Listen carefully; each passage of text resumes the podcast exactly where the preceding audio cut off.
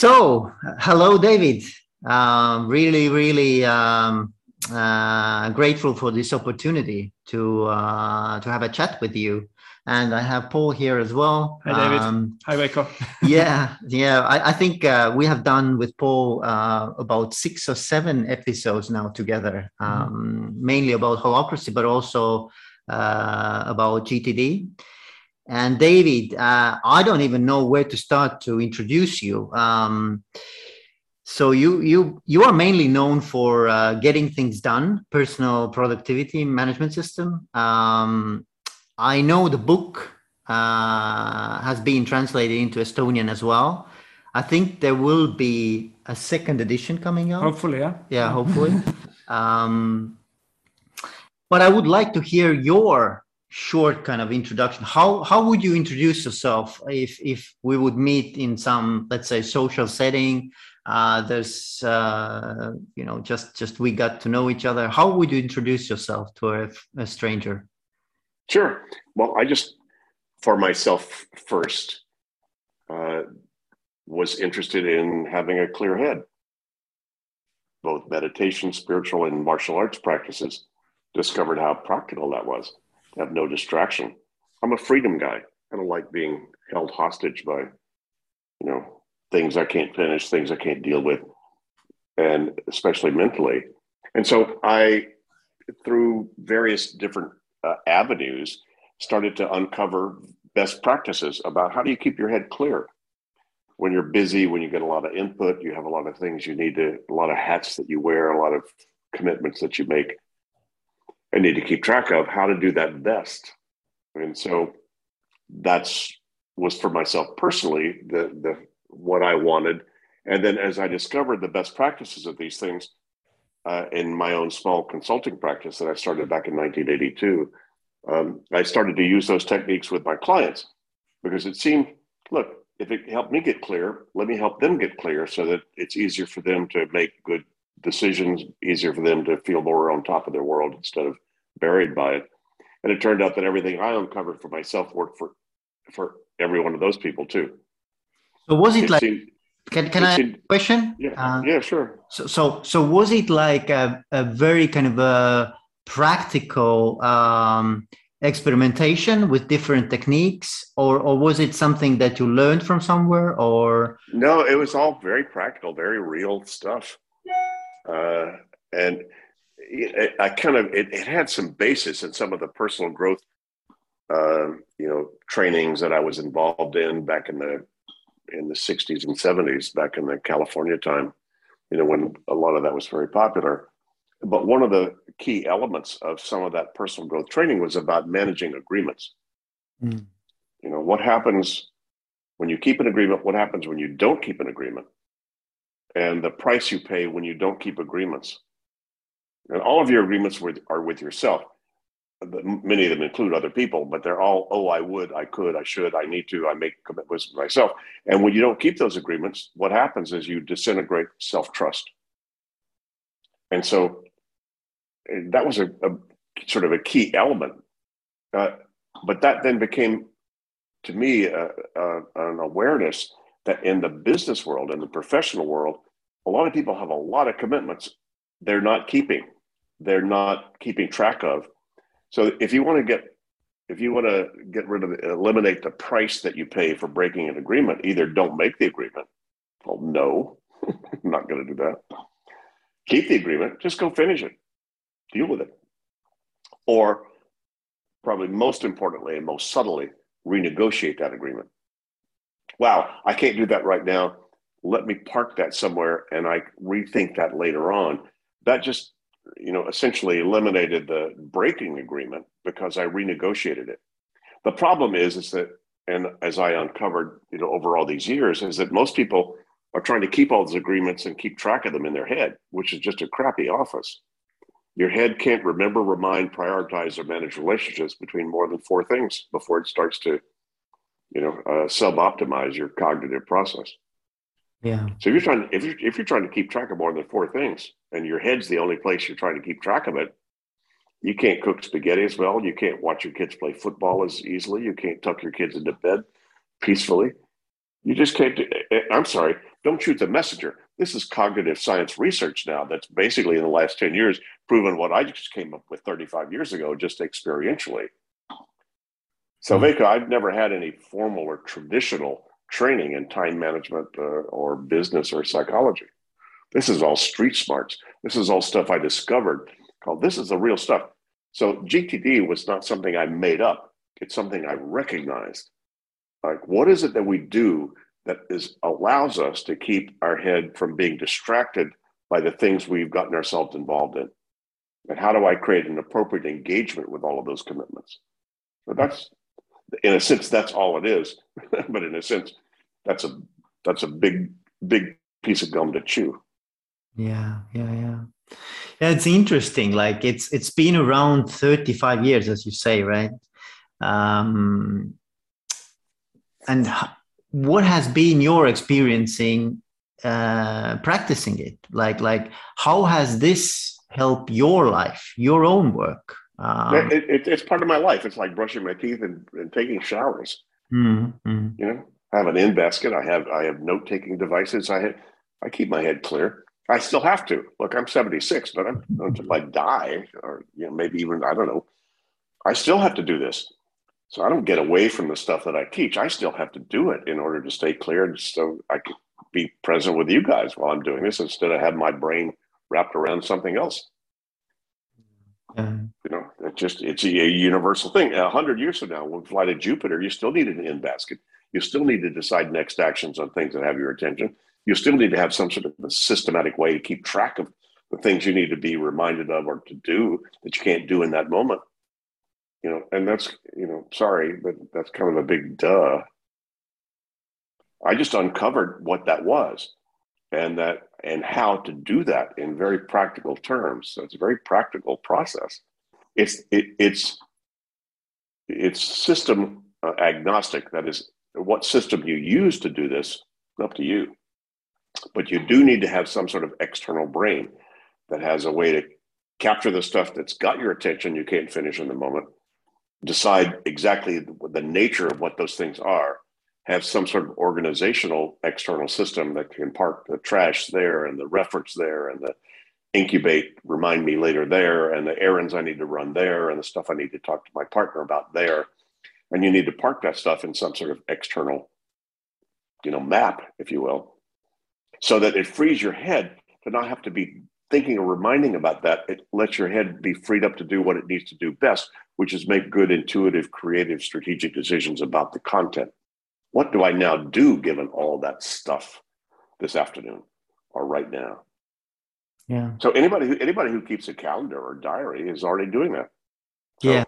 I didn't make it up. This is not some new technology or some foreign language you need to learn. It's just uh, recognizing and making implicit or making explicit the implicit things that we do when you need to get stuff off your mind. I used to write down my um, uh, thoughts and and uh, next day actions every evening in order to get a better sleep, right? Because it kind of gives me you know a sort of um, relaxed state or or gets the anxiety about next day uh, away. Sure sure. I do that too. Yeah so so for me it's it's really like a really good habit of of getting myself ready to uh to go to sleep yeah yeah because that again if you're trying to keep stuff in your head that place in your head that holds on to these things if it doesn't trust, the system is better than it, which is a subtle thing. Your brain cannot let it go, but it has no sense of past or future. It's all, it, it, it, it's, if you say, I need cat food, you, you think there's a part of you that thinks I should be getting cat food now, now, now, all the time, all the time. That's why you wake up at three o'clock in the morning. Oh, shit, I need cat food. Oh my God. because that place has no sense of past or future. So a whole lot of the understanding, the cognitive science, if you will, of keeping track of commitments. Mm-hmm. Just it must be externalized, otherwise it spins subliminally internally. And that's what creates essentially the biggest issue that most people have. It's not so much overwhelm. You handle overwhelm. it's the ambient anxiety you allow yourself to experience. I'm willing to be distracted by three o'clock in the morning about something I should have done, something I still need to do that I haven't managed well yet. Yeah. What about creativity? Um, how would GTD be connected with uh, creativity? Have you thought? Ask, it, ask any artist, where are your paintbrushes? Oh, they're well organized. No kidding. right? Ask any actor. You know, how are you doing with your scripts and with your the things that you're supposed? Oh, they're all here. I'm you know I'm doing this right. You know, come on, creative people have to have a structure in order to be able to access their creativity and to be able to res- and, and to express it. So people who think creativity and organization are opposite things, I go, yeah, you know, wrong answer.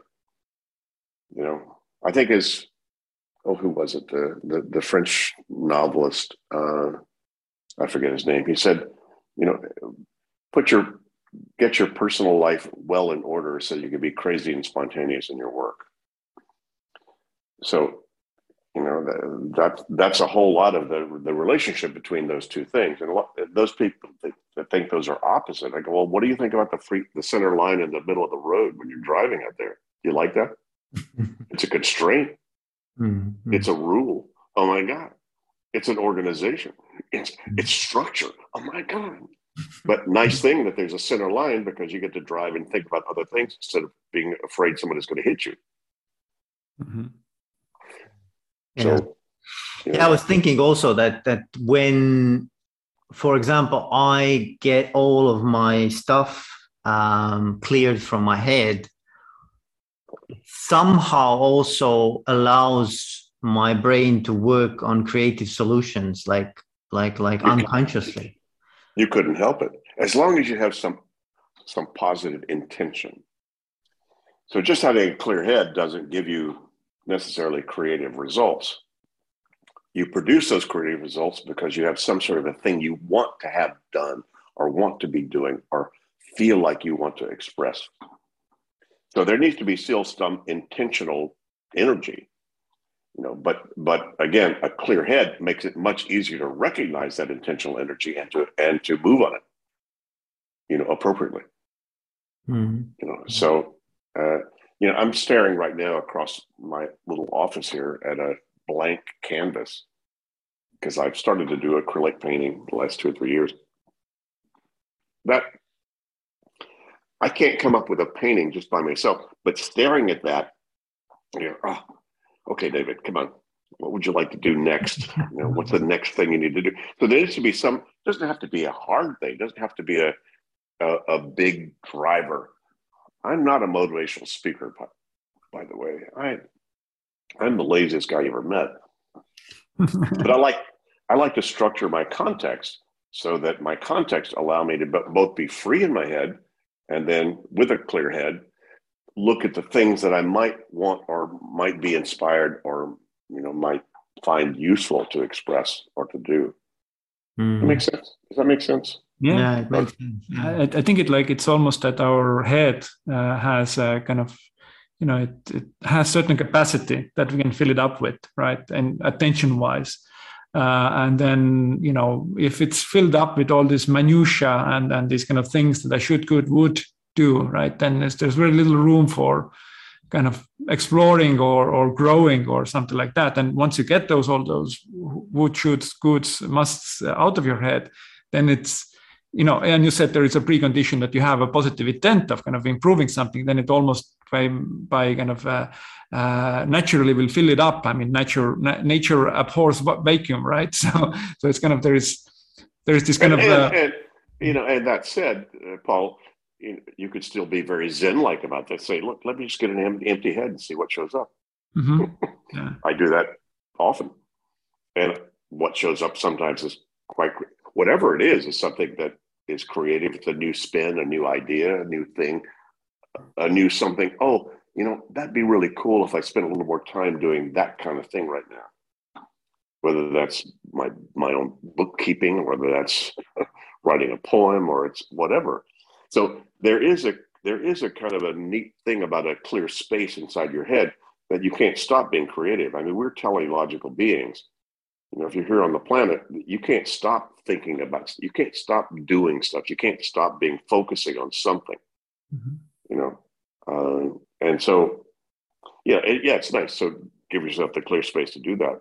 It doesn't solve all your problems, but it allows you to then rethink them, and sometimes in a mini, in a, in a more elevated way, for sure.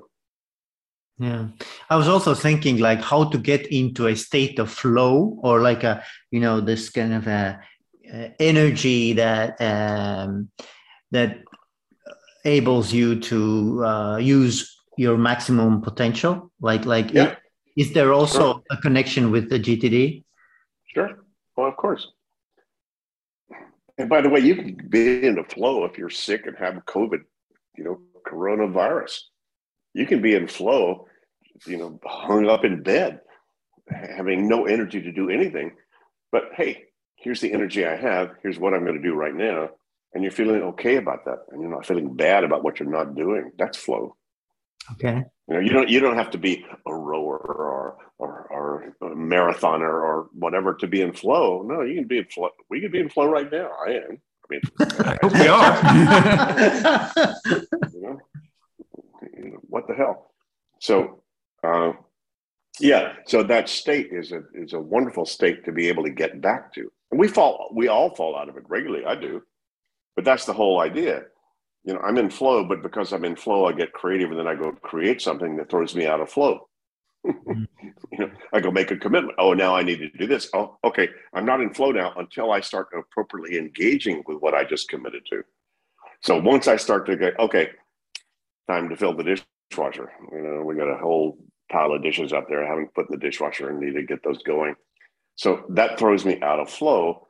But as long as I start moving toward the dishwasher, and putting the dishes in, I get back into a flow state again. So we're in and out of flow all the time. So flow is not a static state to stay in. It's a it's a con it's a what is it? It's a result of being appropriately engaged with whatever has your attention. Yeah, because when when when there's like uh, I've not experienced it myself, but when there's talk about um, writer's block or how you call it like when when when the writer the author says that I, I can't write anything today or this time then they what they what they recommend is just start writing whatever comes. Yeah. Oh it's very easy. Butt in chair boot computer hit key. Yeah yeah exactly. Yeah yeah yeah, yeah. right. Shit, shitty first draft is the best way to write a book. Best way to write a a blog. It's the best way to write anything. It's just let me just start externalizing all of this. That's why the word processor was game changing in terms of people's productivity. Simply because it mapped the way the mind thinks. I like to have an idea, then later on figure out how to do it or what to do with it, as opposed to it has to be perfect before I start to express it. Mm. So the word processor was game changing, much like spreadsheets were. They were game changing. Let me just start to lay these numbers out in some way and see kind of how that works. And then I come up with a whole lot of things. And I think last st- statistic I saw, at least from the US, with like 80 or 80, 90% of the businesses in the US run their finances with Excel. So those were game changing events where the technology actually provided an opportunity for the mind to be able to externalize stuff in a more free form way and then then then restructure it or then edit it. Editing is the real art. Mm-hmm. So hmm. editing your life is the real art. So that's why the weekly review is such a critical aspect of the GTD process. It allows you to edit your life. Oh, wait a minute. I'm not going to do that anymore. Oh, wait a minute. I didn't finish that yet. Oh, wait a minute. What's coming up? Oh, that reminds me. Oh, yeah, I ought to. That's just a curation and an editing process assuming that you have collected and and as best you could externalized all of those things that you need to make choices about then your curation process and your editing process is where the real creativity comes from. And, and that you can't do with a computer. Mm, yeah. I would still like to go back and then hear your experiences throughout these years. Like when did you really realize that you come up with something genius I thought I was the last guy in the world to figure this stuff out. You know, I was I started to be coaching people and training people who are making a lot more money than I'd ever see in my life. And I was thinking they they should have already figured this out. No. The weird paradox, Veko, was that the people most attracted to what I came up with were the people who needed the least. They were already the most successful, the most organized. They already knew the value of system. They already knew the value of being organized. That got them where they were. You know, they were they, were already producing huge value. That's what made them senior. It's what got them promoted, got them doing, you know, given the responsibilities they had. The problem was they were up to here. They had no more room. So they had filled up their space, their cognitive space. They had no more room to do more better work. And so, you know, I just uncovered the algorithm about what they needed to do to free that up and give them more space. and so they were very hungry. Wow, if I had more space, I could do this, I could do that. I could, there are more things I had in my mind that I could be able to do and manage that uh, successfully. So couldn't have fooled me. So I was sort of the last guy in the world to figure out that I figured out something nobody else had figured out. So it took me that long. I mean, you know, come on, like I, I, I started with this methodology in 1980 in the 1980s in the U.S. And it wasn't until 2000, actually 1997, when I decided to write the book. So it took me what 20, I don't know, what's that, 25 years, whatever. It took me that long to figure out that what I'd figured out, nobody seemed to have figured out, and that it was bulletproof. You couldn't punch a hole in this. Anybody who implemented any of the stuff that I came up with produced more space, more control, more focus, more ability to be able to do whatever they wanted to do, you know, with less effort. And so that gave me the confidence to say somebody you know, had a good bit of coaching and people said david write the book. Come on. Look if i got run over by a bus at least at least the, the information that i come up with over all these years will be out there and available for people. I had no idea whether the book would be successful or not. No i just needed to write the manual. I needed to ump to empty sort of the 25 years of my experience and get it into a book so I did. That's why the book, by the way, is overwhelming to a lot of people simply because there's so, so much. I didn't hold back. I just put it all in there. I said, look, here's all the stuff you, you might need to know if you want to feel comfortable about what you're doing. Mm. And, you know, so I wrote it and it turns out it hit a nerve out there, at least for a small segment of the world. You know, it became, a, you know, bestseller book. And that's why you know me and that's why you know about me is through GTD and through that, that, you know, that that that publication and and and that work that I started to express out there. Yeah, yeah. I was also thinking like, uh, what are the biggest myths or misunderstandings about GTD that you have come across? Oh, there are tons. First of all, everybody thinks it's a lot of work. I go, well, so it's brushing your teeth. Right? Don't you guys hate? Oh, Jesus, I got to go brush my teeth. Yeah, same thing. God, I got to empty my in basket. Yeah, same thing. So yeah, it, it, it, it's not free. So yeah, it includes behaviors that you need to engage in that take some effort to engage in them if you want to be if you want to stay clear.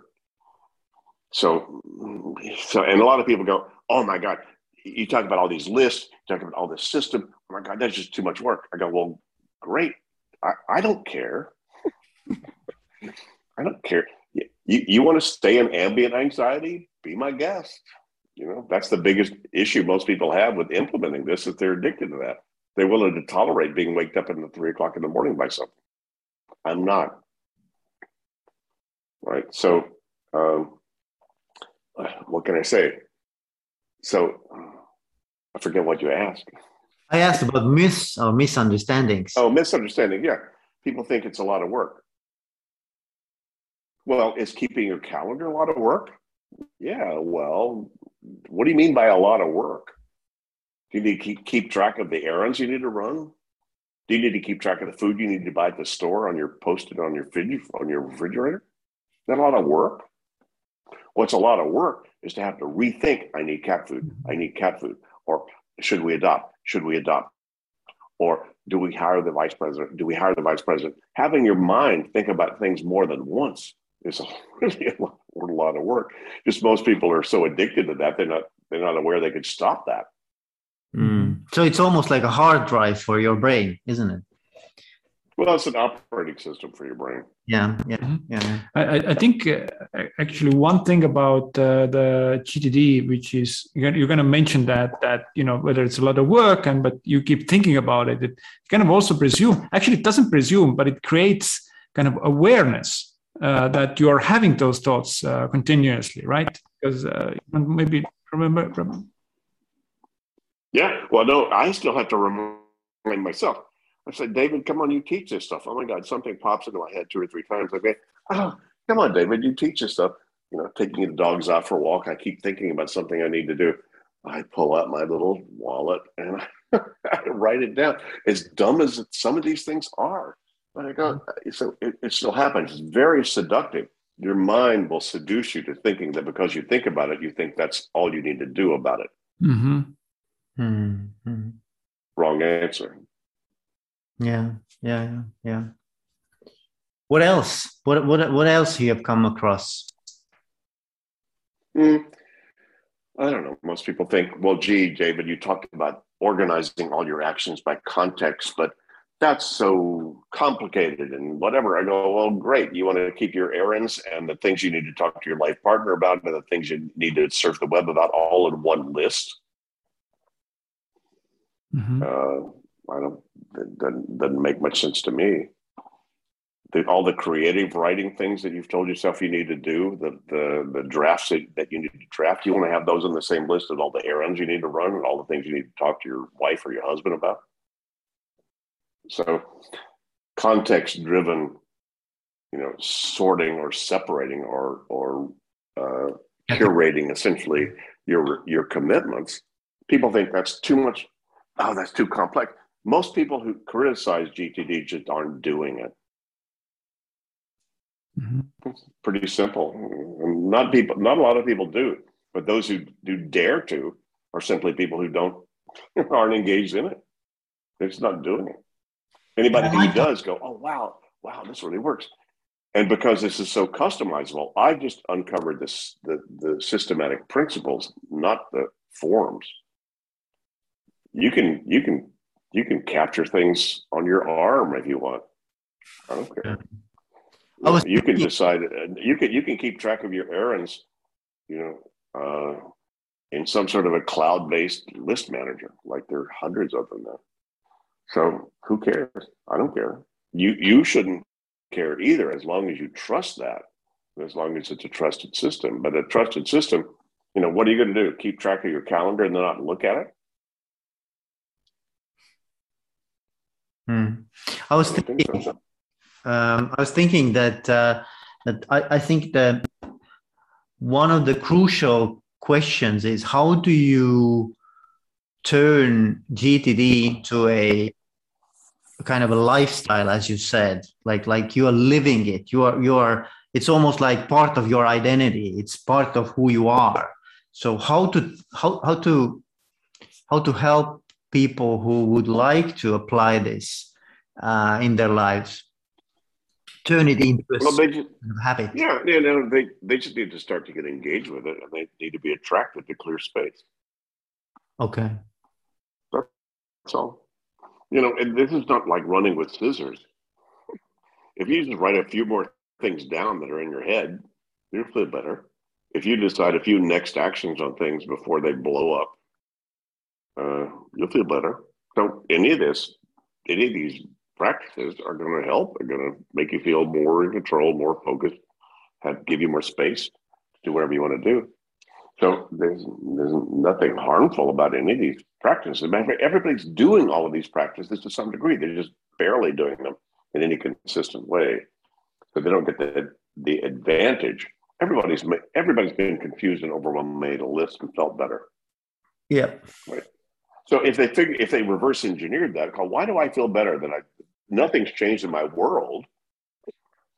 All you did was you uh, created a new engagement with your world by externalizing all this stuff and then being able to see it from a higher perspective.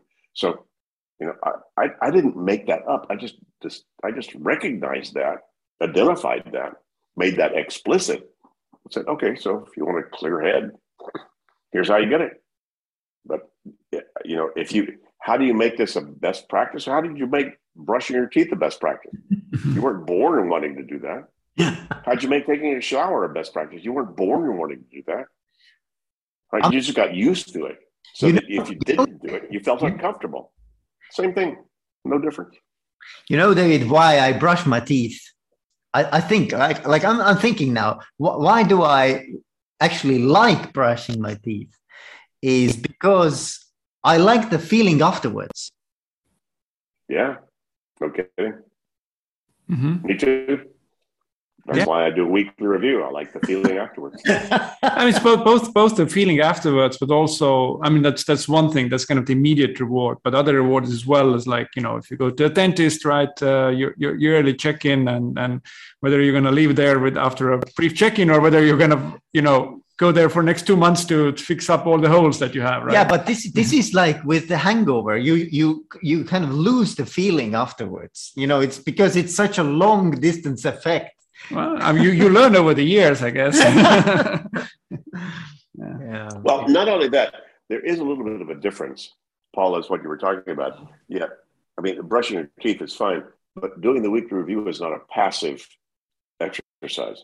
It's actually a very creative exercise if you sat back and curated your last week or two weeks, all the things that have shown up, the things you need to think about, the things you need to handle, given what's changed, given what's going on out there, uh, it, it starts to trigger creative thinking. Oh, you know, I ought to, or oh, you know, that reminds me I should, uh, whatever. And so a lot of things start to show up when you start to curate your world in that way. That doesn't happen when you brush your teeth. Or maybe it's like, oh my God, this tooth hurts. Maybe I should call the dentist. Okay. But otherwise, you know, the the curation of your um, commitments and the things that have your attention and that inventory of all of that is a very creative process. I never do a weekly review without coming up some stuff. I said, you know, I really ought to. I've been thinking subtly back into my mind that might be something I need to do or to commit to or whatever. And so uh, those are, it's a creative exercise. It's a self, you know, you, you think you say self management.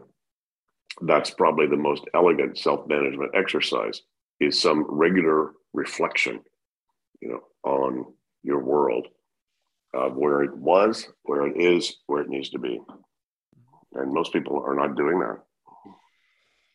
So how how could we now bring in the um, the concept of tensions? Like I I, I love the I, I think it's it's an uh, you know the genius of holacracy and um, the, the, the the whole concept of tensions. How does this apply to GTD? Well, tra- translate tension to attention. Yeah, yeah. If you need cat food, that's attention but it's also yeah. something that has your attention. Anything that has your attention is attention. So I know, you know, you know, come on, I, I ran across, I met Brian Robertson and we shared a conference in, in 2010. And I went, oh my God, this guy came up with a solution that I've been looking for about how to get my organization to self organize. Hmm. And so, you know, holacracy, and, you know, Brian would tell you if you talk to him, I don't know if you've interviewed him yet, but he would tell you that GTD was his religion. He ran across this and went, oh my God, and then he said, How do I get my organization to have a clear head? Like GTD gives me a clear head. And that's was the source of his thinking about, you know, the creation of holacracy. So, so what? So yeah, so tension and attention, the same thing. I, I don't like the word T- tension has a negative spin to yeah, me. Exactly. Yeah. Yeah. yeah. Uh, but attention, you know, like no. So what? I have attention. Should we adopt? Should I get divorced? Should we hire a vice president? Should I write the next great book? You know, those are if you I I I would now after 10 years of holacracy or 12 years of holacracy, I'd go, yeah, that's attention. That's how we we had a we had a we had a holacracy meeting yesterday with my staff, with my my partners. And we just listed what are all the tensions we have because it's part of the holacracy constitutional, you know, uh, uh, procedures. who's got tensions. We had a tactical meeting. Who's got a tension about anything? So we, we brought those things up and we said, yeah, but tension's just a, again, I prefer a, attention than, than tension, but they're pretty much the same thing. Yeah, in Estonian also, the tension has kind of a negative connotation. It kind of presumes that there is something wrong with whatever is yeah. Or, or yeah. That's why I didn't like it. That's why I said attention. Wow, mm. we could. Well, holacracy would call that attention if you brought that up in a tactical meeting. I just call it something you got your attention on. So we can call it. You can call it whatever you want. You can call it you know, X, Y, Z, ah, blah, blah, blah, blah. Call it whatever you want to call it. Just something that we might need to think about, decide about, do something about. Yeah, yeah, yeah. That's that's really interesting. That um, uh, yeah, Brian Brian has uh, on numerous occasions referred to GTD as as one of the um, you know main kind of influences on on uh, holacracy, uh, and for him as well. So there's a this obviously a very clear connection there. Um, and you know we we have joked with paul i don't know if joked but we have talked about like gtd being for your personal uh, use and and uh, basically holacracy being gtd for the organization uh, for the teams. Um, i don't know what you think about that like the, the i agree. Yeah. I agree. That's why we adopted it. As soon as i met brian as soon as we said oh my god i was about to fold my company because i was trying to write a book i was trying to do a whole lot of other things I was buried and you know stressed out. And given the responsibility, I had to fire a CEO that was a wrong hire. I, I didn't know what to do. And I had a bunch of bright people. I said, "Look, you guys can organize yourselves." And then I ran across Brian of Holacracy, and he gave me a model. oh, my God, that might work. And so we jumped in feet first and our whole company did that back in 2011 i think is when we fully adopted the holacracy process in our company and what we were doing we're still doing it. And so uh, that that that yes. And that it, it, it was now the the and brian would tell you look the holacratic the holacratic process requires people to understand the GTD process of outcome and action thinking and accountability. Like once you walk out of a tactical meeting, what happened? Who got what? Right? Was there some agreement about who got some sort of an outcome or some sort of a project or some sort of an action? And holacracy doesn't doesn't handle the personal implementation of the results of the holacratic meetings. That's where GTD comes in. You okay, you walk out of that meeting, what do you get? You know, what was yours? How are you going to handle that? And you're going to be held accountable to have done that or not done that or whatever from an holacratic perspective. So yeah, it works. But you know, GTD is just good business practice. Why would you have a meeting without going, what are we trying to accomplish by the end of this meeting? Why would you end a conversation without going, so what do we decide? Who's got the next step on this? Right? So uh, the GTD principles are universal business principles and, and just holacracy and, and what they did and, and what Brian did and what that process did was start to codify, if you will, down to the really infinite kind of degree of detail about how you make sure all that stuff is really clear. So that when attention or attention shows up at any level in any organization, it has a place to be expressed, has a place to be processed, has a place to be clarified, finished, or put in its appropriate category, you know, for the organization as low as possible, as fast as possible. Elegant. God, I couldn't have thought of that myself. I mean, Brian was brilliant with his thinking about how to take that down to the most infinite levels about how you do that. Yeah, uh, it, it, kind of appears to me that uh, you know uh, I'm being a GTD uh, practitioner and fan for 10 years and trainer for a few years now is is that it's it's a very powerful tool to how you organize yourself and the challenge uh, kind of has been okay, I'm I'm very kind of organized, and then maybe Veiko is very organized, right? And then how do we kind of sync up so so that it's you know we we might be doing both very good work, but but it's kind of there might be there is still this potential for uh, how to say like a misunderstanding or or not like a you know I, I want to say word conflict, but conflict in the sense of like uh, conf- conflict in priorities, right? So and this is what what well, appears to me. Yeah. It depends on how much glue you have in the organization.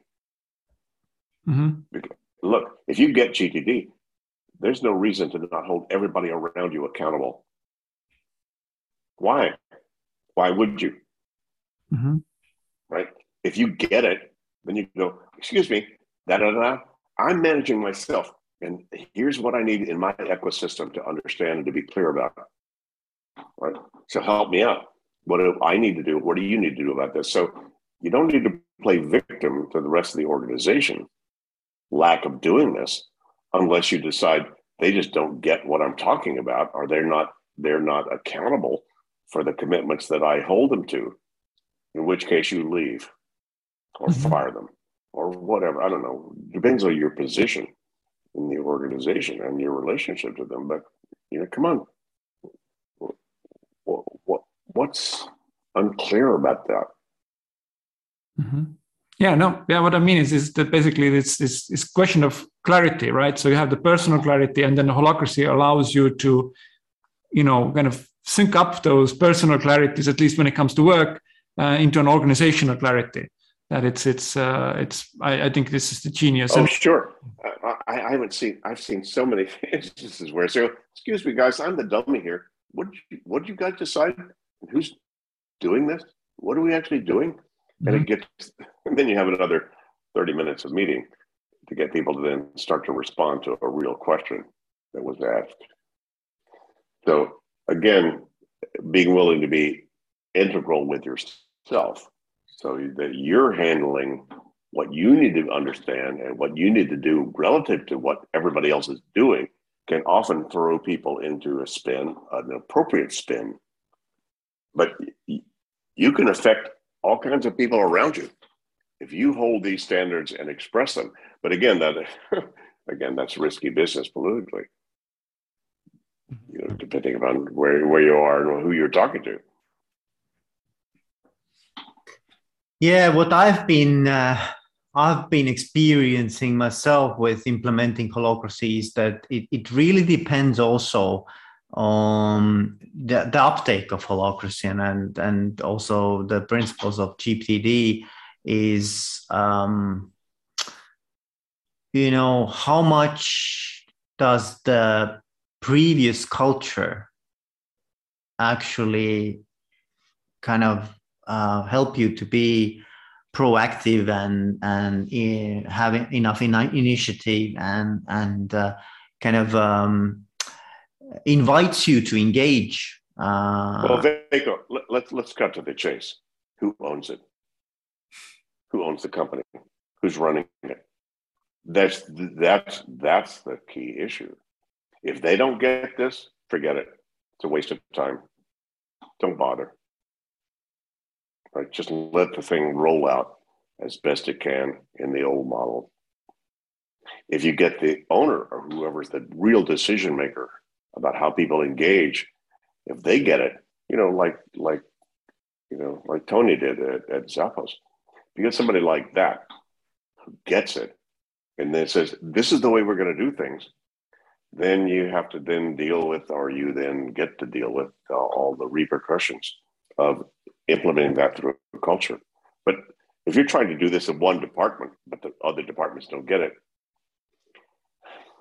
I, I, I hate to say good luck, but I would just have to, but I would just have to say good luck because they're going to have to then interface with people outside of their holacratic structure.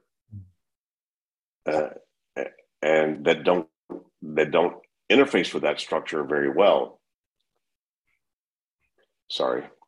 All right, that's why I'm not holding my breath about how many people are going to actually implement holacracy.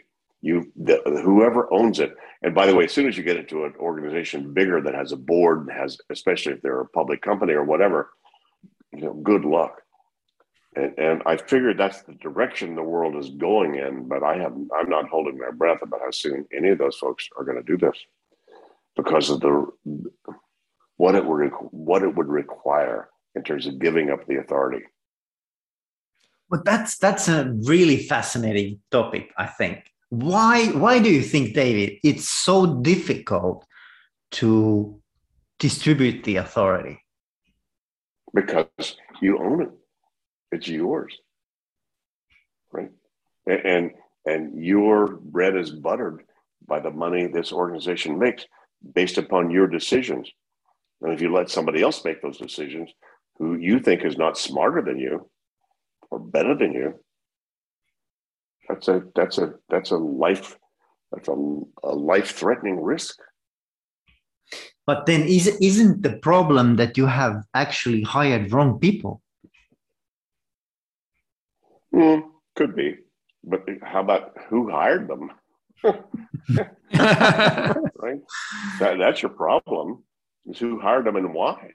You know, once we implemented holacracy, we we built a whole interview process for new hires called "Can you can you tolerate this thing?" Where you're going to be accountable for whatever you ever do, you know, whatever. We created a set of questions that challenge people and say, "Are you willing to walk into a culture where you're going to be independent and be accountable for the things of whatever?" And we had to turn away several people because they say, no, I don't want that. I want to show up. I want to be told what to do. I want to leave at five, not having to think about my work.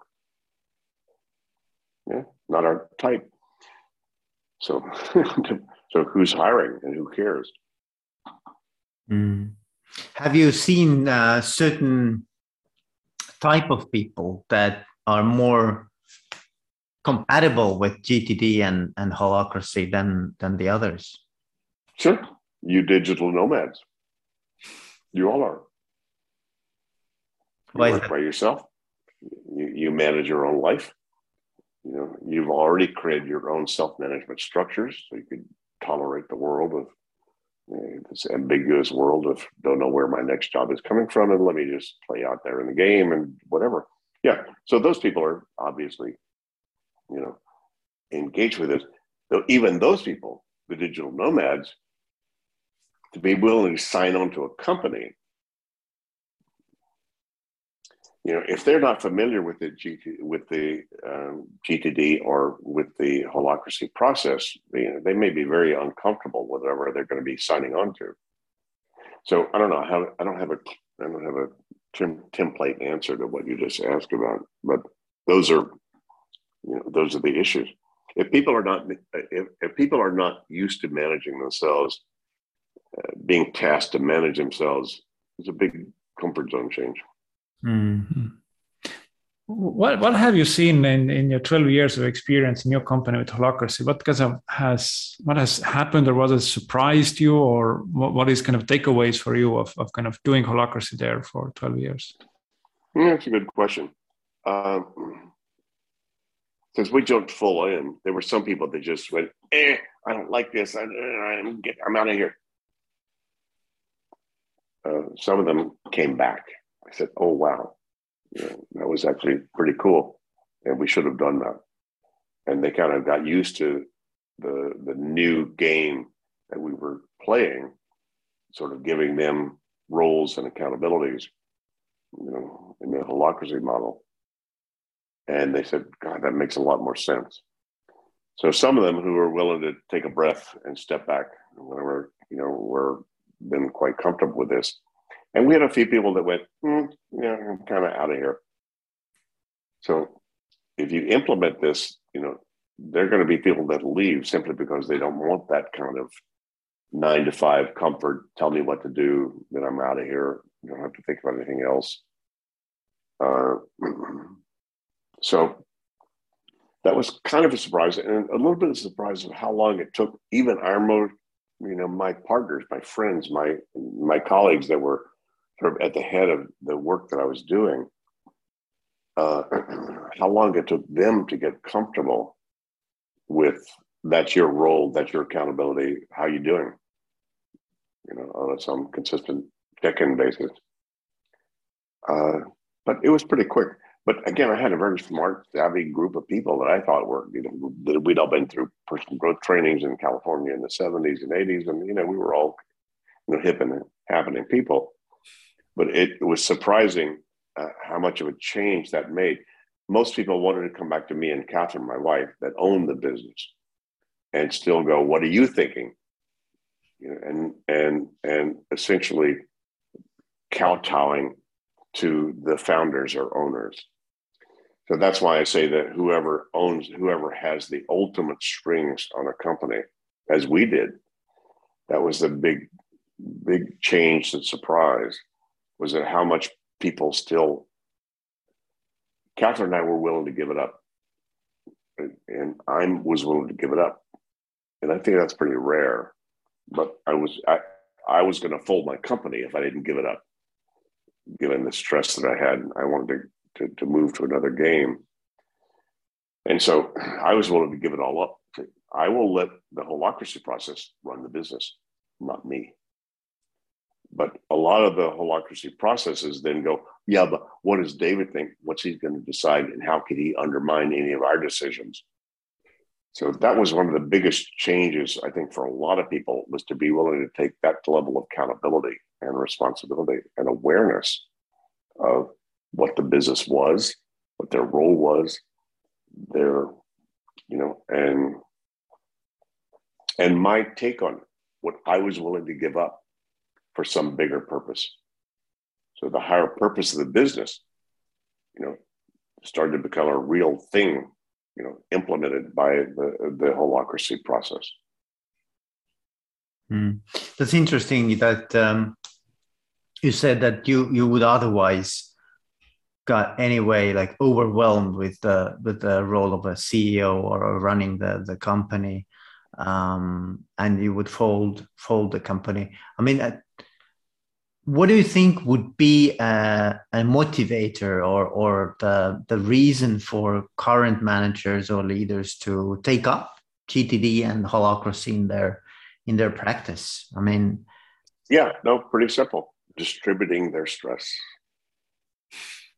that's good. Yeah, that, mm-hmm. that's that's really good answer. I think. Yeah. yeah. Mm-hmm. So not uh, distributing authority means distributing your stress as well. Of course.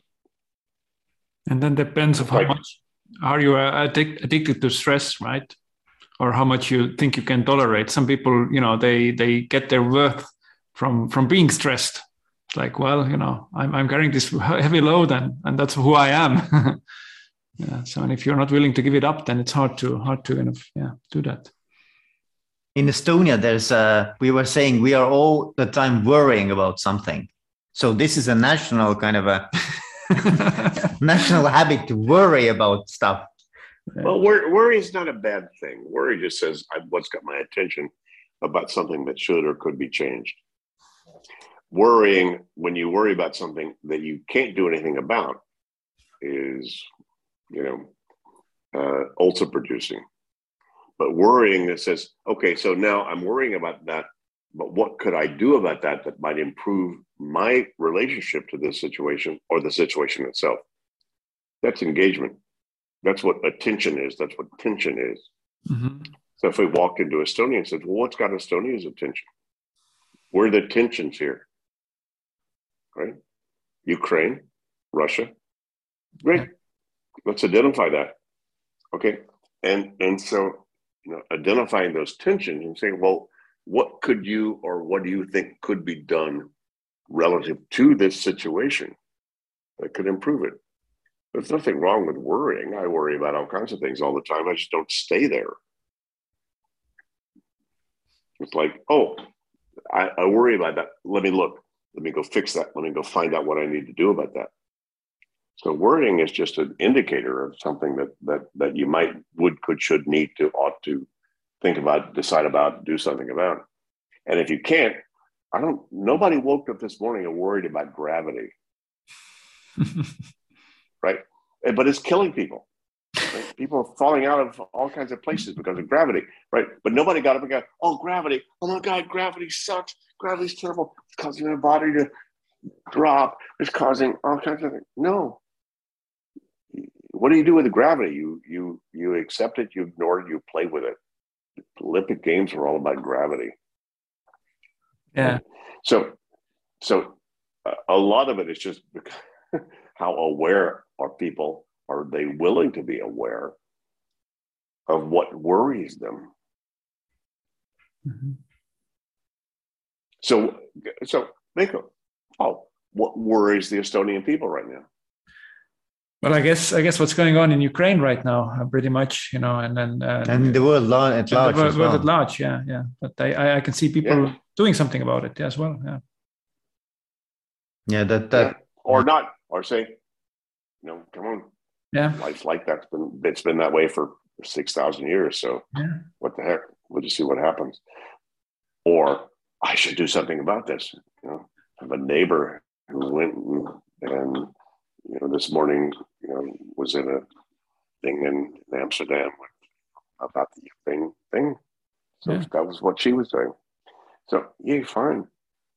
You should, what do you need to do to get this off your mind or to mm-hmm. appropriately engage with whatever that has got your attention? This doesn't make life easy, guys. Come on if it was easy, you'd never grow, you'd never expand, you'd never really, you know, express yourself in, in the bigger ways that we all are, are maybe here to do.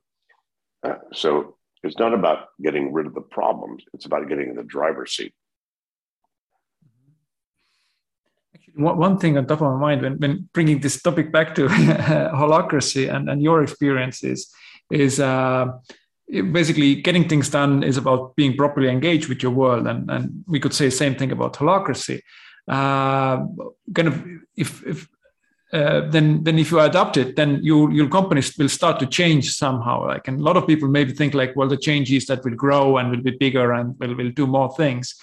Uh, how is that manifested in for david allen company? We shrunk. We used to be 50 people. We're now five How come? We use holacracy all through deciding what was going on, what we needed to do to keep the GTD flame growing and and and and alive out there in the world, which was basically our primary purpose, and everybody engaged with us was, and they all understood the reasons why. Some of them were hard decisions they had to make. We had to go, you know, as we found a different kind of business model where we became more IP licensing company than a training and consulting company out of the US. We just didn't need all the staff and infrastructure and admin that we needed to manage all that.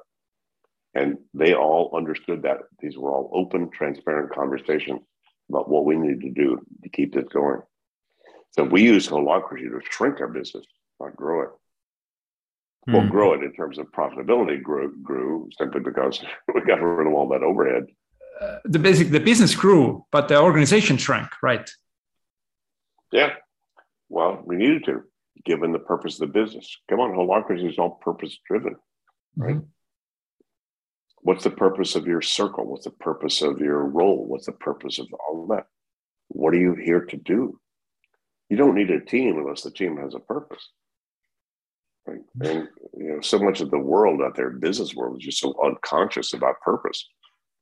Why are we in a team? Why are we having Monday meetings? Should we have daily meetings? Should we have quarterly meetings? And you know, that's just a big question unanswered by so many things out there that creates huge inefficiencies and huge stress. Yeah, I think probably one of the worst experiences I've had in my career is been being in a team or uh, where, where which has lost its purpose, mm. and but it still wants to exist, right? and that's very demotivating. Yeah. But the team says, let's just get together and have coffee together and share and update and do update. You know, I, this morning, I know yesterday, I just did a check-in round. We still do check-in rounds, mm-hmm. even just five people. What's up? And the holacracy process gives us an opportunity to lift up even our conversations to a higher level of of thinking, higher level of of focus, higher level of perspective to then talk about the stuff. Yeah, we've been talking about informally with each other. I mean, we're all good friends. We've been around for 20, 25 years together. But it, it allows us to move our conversation up to a level. And I just got, this morning. I went through 16 holacracy, uh, uh, GlassFrog updates, which is the holacracy sort of software that updates our accountabilities, updates our whatever, so whatever, because we, we just haven't done that for a while. We haven't needed to. You know, we just we're still, you know, hanging out informally and and, and well together. But but the the the structure still provided us enough good structure to be able to, you know, make sure that these things are cleaned up. We don't have a lot of old business of of old edges that weren't cleared up about who's doing what and why. Mm-hmm. Um, to, I know, I know your, your company's purpose is a world with uh, no problems, only projects. So, uh, how soon did you kind of discover that, or how uh, was it right away, or did you discover it in, in uh, over over no, time? No, no, it was uh, one day. Just thinking about it, how would we describe what we do in a way? I don't think entrepreneurs or business owners or anybody actually understands their purpose until they have to think about it for some other reason. what's the real thing we're doing? You know, and I, I don't, uh, uh, Paul, I don't remember whether it was a day or a week or whatever, as I was ge- germinating on this in my own head, thinking about what are, what are we really doing? And it wasn't so much to spread GTD to the world, Mm-hmm. It's like, what's the purpose of that? Mm-hmm. Well, the purpose of that was to make sure that the world, so as best it could, could start to experience tensions as things to be resolved. You know, in a holacratic, you know, vocabulary, or things that have our attention. How do I get on top of this instead of feeling victim of this? And so, wow, what a change that would be, right? Mm-hmm. Of all the Russians right now, by the way, we've got partners in Ukraine and Russia that are dealing with this idiocy that's going on right now. So each one of them, what am I trying to do? You know, our Russian partner unfortunately said, "Look, we can't go demonstrate. If we demonstrate more than once or twice, they put us in jail for five years." Mm. You know, so you know, so so what's next? So it's in his camp to decide. Okay, now what do I need to do? You know, move to Malta and change my business to you know uh, Maltese business, which a lot of Russians are doing right now. And so, yeah, so getting the world to think in those terms, just it'd be nothing more than to increase and up level the evolution of the planet. I think instead of people playing victim and complaining. Yeah, I really like the idea that that you you, you ask like uh, multiple times what is the purpose of of the next layer next layer and next layer? And you you I, I love the idea. No problems just projects. I mean that's mm-hmm. that's like uh, yeah it, it, you know i'm involved in a lot of subtle stuff you know spiritually meditationally uh, otherwise. But it really comes down to here on the planet are you are you engaged in your intentionality appropriately or not? And I think that's the key self management issue or question or answer. Talk about this more. This this sound that sounds really fascinating as well. Like, what do you mean by by engaging with your intentionality? Are you engaged with your health appropriately? Are you engaged with your partner in life appropriately? Are you engaged with your cat or your dog appropriately? Are you engaged with your finances appropriately? Right? So it's about appropriate engagement. It's not about finishing. It's not about doing all that stuff. It's not about, it's like, do I understand what that is, my commitment about that, and I'm okay about what I'm doing and not doing about that. Yeah. And that's going to put you in a much more peaceful place then be able to be to, to navigate your world with all of its changes and surprises that may come on you.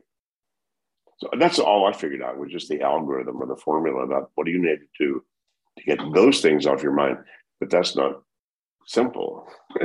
Some of those things are pretty critical issues or, or what you would consider important. you know, things to be thinking about or dealing with in some way or engaging with in some way. How do I appropriately engage with Russia and the Ukraine right now? Good question. Mm. right? How do I appropriately? How, what do I do? I let that go, just give it what it is. Is there something I need to do? Is there something pulling on me, pushing on me that I need to do something about that? And so that's the that's the consciousness. That's the knowledge work athletics that I came up with. What do you need to do about that thought or that thing or that input or that thing that's occurred in your life or your business so that you are appropriately engaged with it? Maybe appropriate engagement says, no, not going to do that, or that's on a someday maybe list or whatever. That could be the important thing to do. Is this almost like like a conscious choice of how do I want to deal with different aspects of my life? Uh, yeah, exactly. Mm. Yeah, I think I think uh, for me it's very much about awareness. You know, it's and it's kind of in different levels. Obviously, uh, awareness of the external world, but also ex- awareness of my internal world, of my head, right? And it's there's a lot of layers there, and you can go very deep, and you can maybe can meditate to to get there. But but you know, getting things done is a very practical way of actually getting there. It's it's in a sense that it's not only like you know exploring, but also exploring in a way that you can you know do something different in the world, or you know being properly engaged with the world in a sense. So and and maybe proper you know appropriate engagement is just take a nap have a hmm. beer you know like okay life is the way it is so i'm not into you know back to you know uh, Veiko, I mean, one of your early questions was the mis the misperceptions about GTD. A lot of people think that work harder, you know, uh, or longer, or you know, be you know, do work in a better way or whatever. It's about getting appropriately engaged with all of your stuff so that you relax. Mm. Let go. Let go. Can can can can can uh, can like I, I even I, I really like this idea that that if you are consciously making a choice that I won't do anything today, and that's something that I I need right now. Good then that would be so, awesome. Good. So when we stop, can you not do anything the, rest, the rest of today? I cannot. Uh, Veiko is going to sit here for the next two hours after this and just stare it into space. Nothing wrong with that. Good thing to do. As a matter of fact, your brain needs to rest. Cognitive science recently has discovered how much recuperation time your brain needs from thinking. Mm. That's why sleep is is so so valuable. If you're not getting seven, eight, nine hours of sleep a night, you know you're you're you're you're not going to function as well. Mm-hmm. You, you take a nap in the afternoon. Don't have a cup of coffee. You know, those are things that they've now proven that your brain needs to recuperate. It needs to recalibrate because there's so much input. They got you and Paul both. Me too have gotten so much input today that our brain cannot process all of that.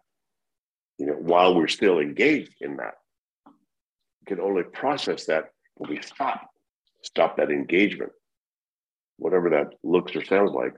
But stop that, whether that's a nap, whether that's just sit back and reflect for five minutes, you know, or, or whatever. You need to stop that engagement in order for the brain to be able to recalibrate, refocus, recurate essentially all that input. Mm-hmm. So as best I can, I don't do it every night, but uh, usually you know, late night, uh, Kathryn's gone to bed, the dogs are still kind of asleep. I've taken them out to pee. If I could sit down and just turn off everything and just let myself go, usually I will hear or see something internally that says, "Ah, oh, I should," but this would be a cool thing to do, or "Oh yeah, and that only shows up in those kind of time frames. It only shows up when you give yourself those spaces, you know, for your brain to be able to then recalibrate, recurate, you know, mm-hmm. regenerate, whatever it does. So I'm I'm just I'm I'm not an expert in that area, but the cognitive scientists read all the stuff in the last ten years would tell you that. Yeah. I'm, I'm, I'm wondering that that you know as, as, as humans or, or how how our world has evolved, especially maybe in the last 200 years, where it's been this, this gradual shift from from physical work into mental work, and now we pretty much you know most of us are uh, knowledge worker. We do the mental work, right? And then uh, probably before we did that, then it felt like that the mental work wasn't that big, right? So I mean, like, it's what's what's to it? I mean, you're not doing anything. Like you're visibly not doing anything. You're just kind of like staring at the place. But but now we are starting to realize of how much it actually uh, energy it takes, how much fatigue there is. So there's that's why we need a kind of a technique of of kind of maintaining that uh, mental, you know. Uh, I don't know. Health is, is another topic, mental health, but rather mental kind of uh, you know uh, fitness or mental readiness so which which requires that we take a break right that we don't kind of think all the time because we can't yeah and muscle bleeding yeah yeah. I was also thinking like like david i, I like this uh, question that i pose usually uh, at the end of the the podcast is is do you have any suggestions or um, advice to those who are just starting with holacracy or GTD, like what would be your advice to them so that they would be, you know, that the implementation or the that the application would go smoother? Like, what would be your advice to newcomers to this? Yeah, it's a big question because those are two different things just personally, in terms of GTD, I just say just get stuff out of your head. Just you know, uh, capture all the stuff that got your attention, and then engage with those things appropriately. From a holacracy perspective, I'd say, well, it depends on to what degree you want to distribute stress that you've got, or clarify the stress you have, or relieve the stress you have. A lot of that has to do with already your roles so in GTD, we talk about roles as a as a horizon of your commitments. Called what do you what are you held accountable to be doing well or some level of standard? You know, and then if you were an entrepreneur, how are you doing about sales? How are you doing about finance? How are you doing about uh, customer service? How are you doing about IT? How are you doing about your administrative? You know, there's there's a role based thing, which is a whole core element of holacracy. Uh, what are your roles? And a lot of people are not clear about the roles they've been either handed or ha- or think they have, and then they getting clarity about that with their boss or whoever they need to clarify that role with. If you, the entrepreneur yourself, clarify your own roles. How are you doing? List all those things out. How are you doing about those things? anybody you've handed that off to, you think you've handed it off to, but you've still got it. Well, that's lack of clarity. If you have a job, then thinking about what are all the things I'm being held accountable to have done well. If I get reviewed in a performance review, what am I going to be held accountable to have done well? Customer service, IT, uh, I don't know. You know, a zillion things. Just think about your job. So I'd say from a holacracy perspective, if if your company, if somebody's listening to this, your company has not implemented or thought about holacracy, I would say you think about what are the roles you think you have right now? And list them out and say, what are you doing about those? Is there any lack of clarity about who has that role? And what they should be doing about that? Because that's where a lot of the tensions are going to show up in an organization is lack of those clarities. So that's my short top of mind answer. Mm. Actually, I have a, one one question. I think it's uh, we don't want to this opportunity to pass in regards to holacracy is, is that there are you know when when organization switches over from you know classical hierarchy to holacracy, you know then different kind of um, you know big level roles have like different experiences. You have like the employee who becomes a partner and then there is a ceo who becomes also a partner. It's not the kind of ceo anymore. But then a third perspective is from the owner perspective. So and you you you you have that perspective is is is is is your relationship to your company changed uh, due to holacracy, or you know, uh, what, what's your what's your experience there? Well, it did because I was willing to give up that role mm-hmm. and let uh, let the organization itself define how we allocated our resources and and what we did about that. So it's quite unique to this to the individual situation. You could be the CEO. Well, you know, Tony Hsieh, you know, at, at you know, at, at Zappos, you know, Amazon bought them, but Amazon said, go for it. And and they gave him the freedom to manage his company the way he was managing it, you know, with all of this stuff. Unfortunately, Tony's not with us anymore, you know, early retirement, you know, Teresa died you know but that's a pretty rare experience where you find whoever owns this has to be willing to give up the accountability of the success of this enterprise to a self-organized organization. That's a big big change. So I, i'm not holding you know i wrote the foreword to brian's book you know and as i said then i'm not holding my breath in terms of how soon either the organization or whatever, but it's a trend that won't stop. Mm-hmm. It's going on, especially here over here in the Netherlands and, and Europe. You know, holacracy is taking on a, a, pretty good hold with several organizations. You know, so uh, but that's more the more the background of wow, we all need as a community to come together. You know, a lot of the some of the sources of that was sociocracy, which came out of the World War II where they said, okay, communities need to come together and decide how we want to organize ourselves. The difference was that holacracy said, this is not, you know, community consensus. This needs to be you know, community uh, decision making based upon a essentially a hierarchical structure. People think holacracy is like, you know, free form, willy nilly. Oh my God, it's one of the most structured you know uh, context you could ever have way more structured than most structures out there are mm-hmm. but structured in a way that sort of maps to how we really ought to think and work yeah. Does that make sense yeah yeah, yeah. i mean what, I, what i'm hearing is it's pretty much and, and, and correct me there if, if i probably got it wrong but it's like if you love it set it free in a sense from owner perspective yeah. Yeah. And at the same time, as owners and founders, we had to legislate that we would do holacracy. So we did it from an unholacratic way. we had to go, this is what we will now do. If you do not do this, I'm folding the company. So I just think that was dictatorial. I was unholacratic. I didn't have a vote about whether we should do this or not. I said, we do this. You you buy on or not. So that's the kind of strange paradox about this is you need people to legislate this is the way we're going to do stuff in a sort of a non-holacratic way in order to actually put it in place and make it work. Hmm. Yeah. So, David, we're coming to the end of the podcast.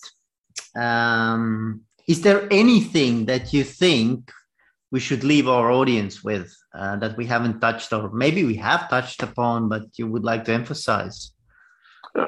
one of my basic sayings is your head's for having ideas not for holding them. So stop using your head as your office. Quit. Externalize all this stuff. Make you more conscious about all of it. Awesome yeah. Any words from Paul? No, I mean it's been great conversation. Uh, I, I, got to ask the questions that I wanted to ask and learn learn things and and thought think about uh, holacracy in a new way. Think about getting things done in a few new ways, which was which is kind of a great uh, experience, you know, of, of, being quite you know uh, engaged with for a, for a while now. So so yeah, thank you, David.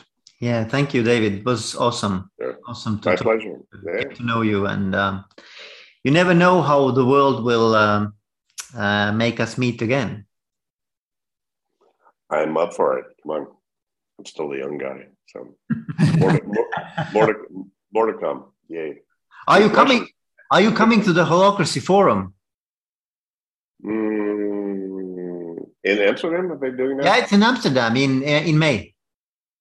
I'm not sure. I think it might be on my calendar, at least a little bit of it. Yeah. We might see there. We might see there. Yeah. yeah. Thanks. Anyway, thank you, David, and uh, keep in touch. Ciao.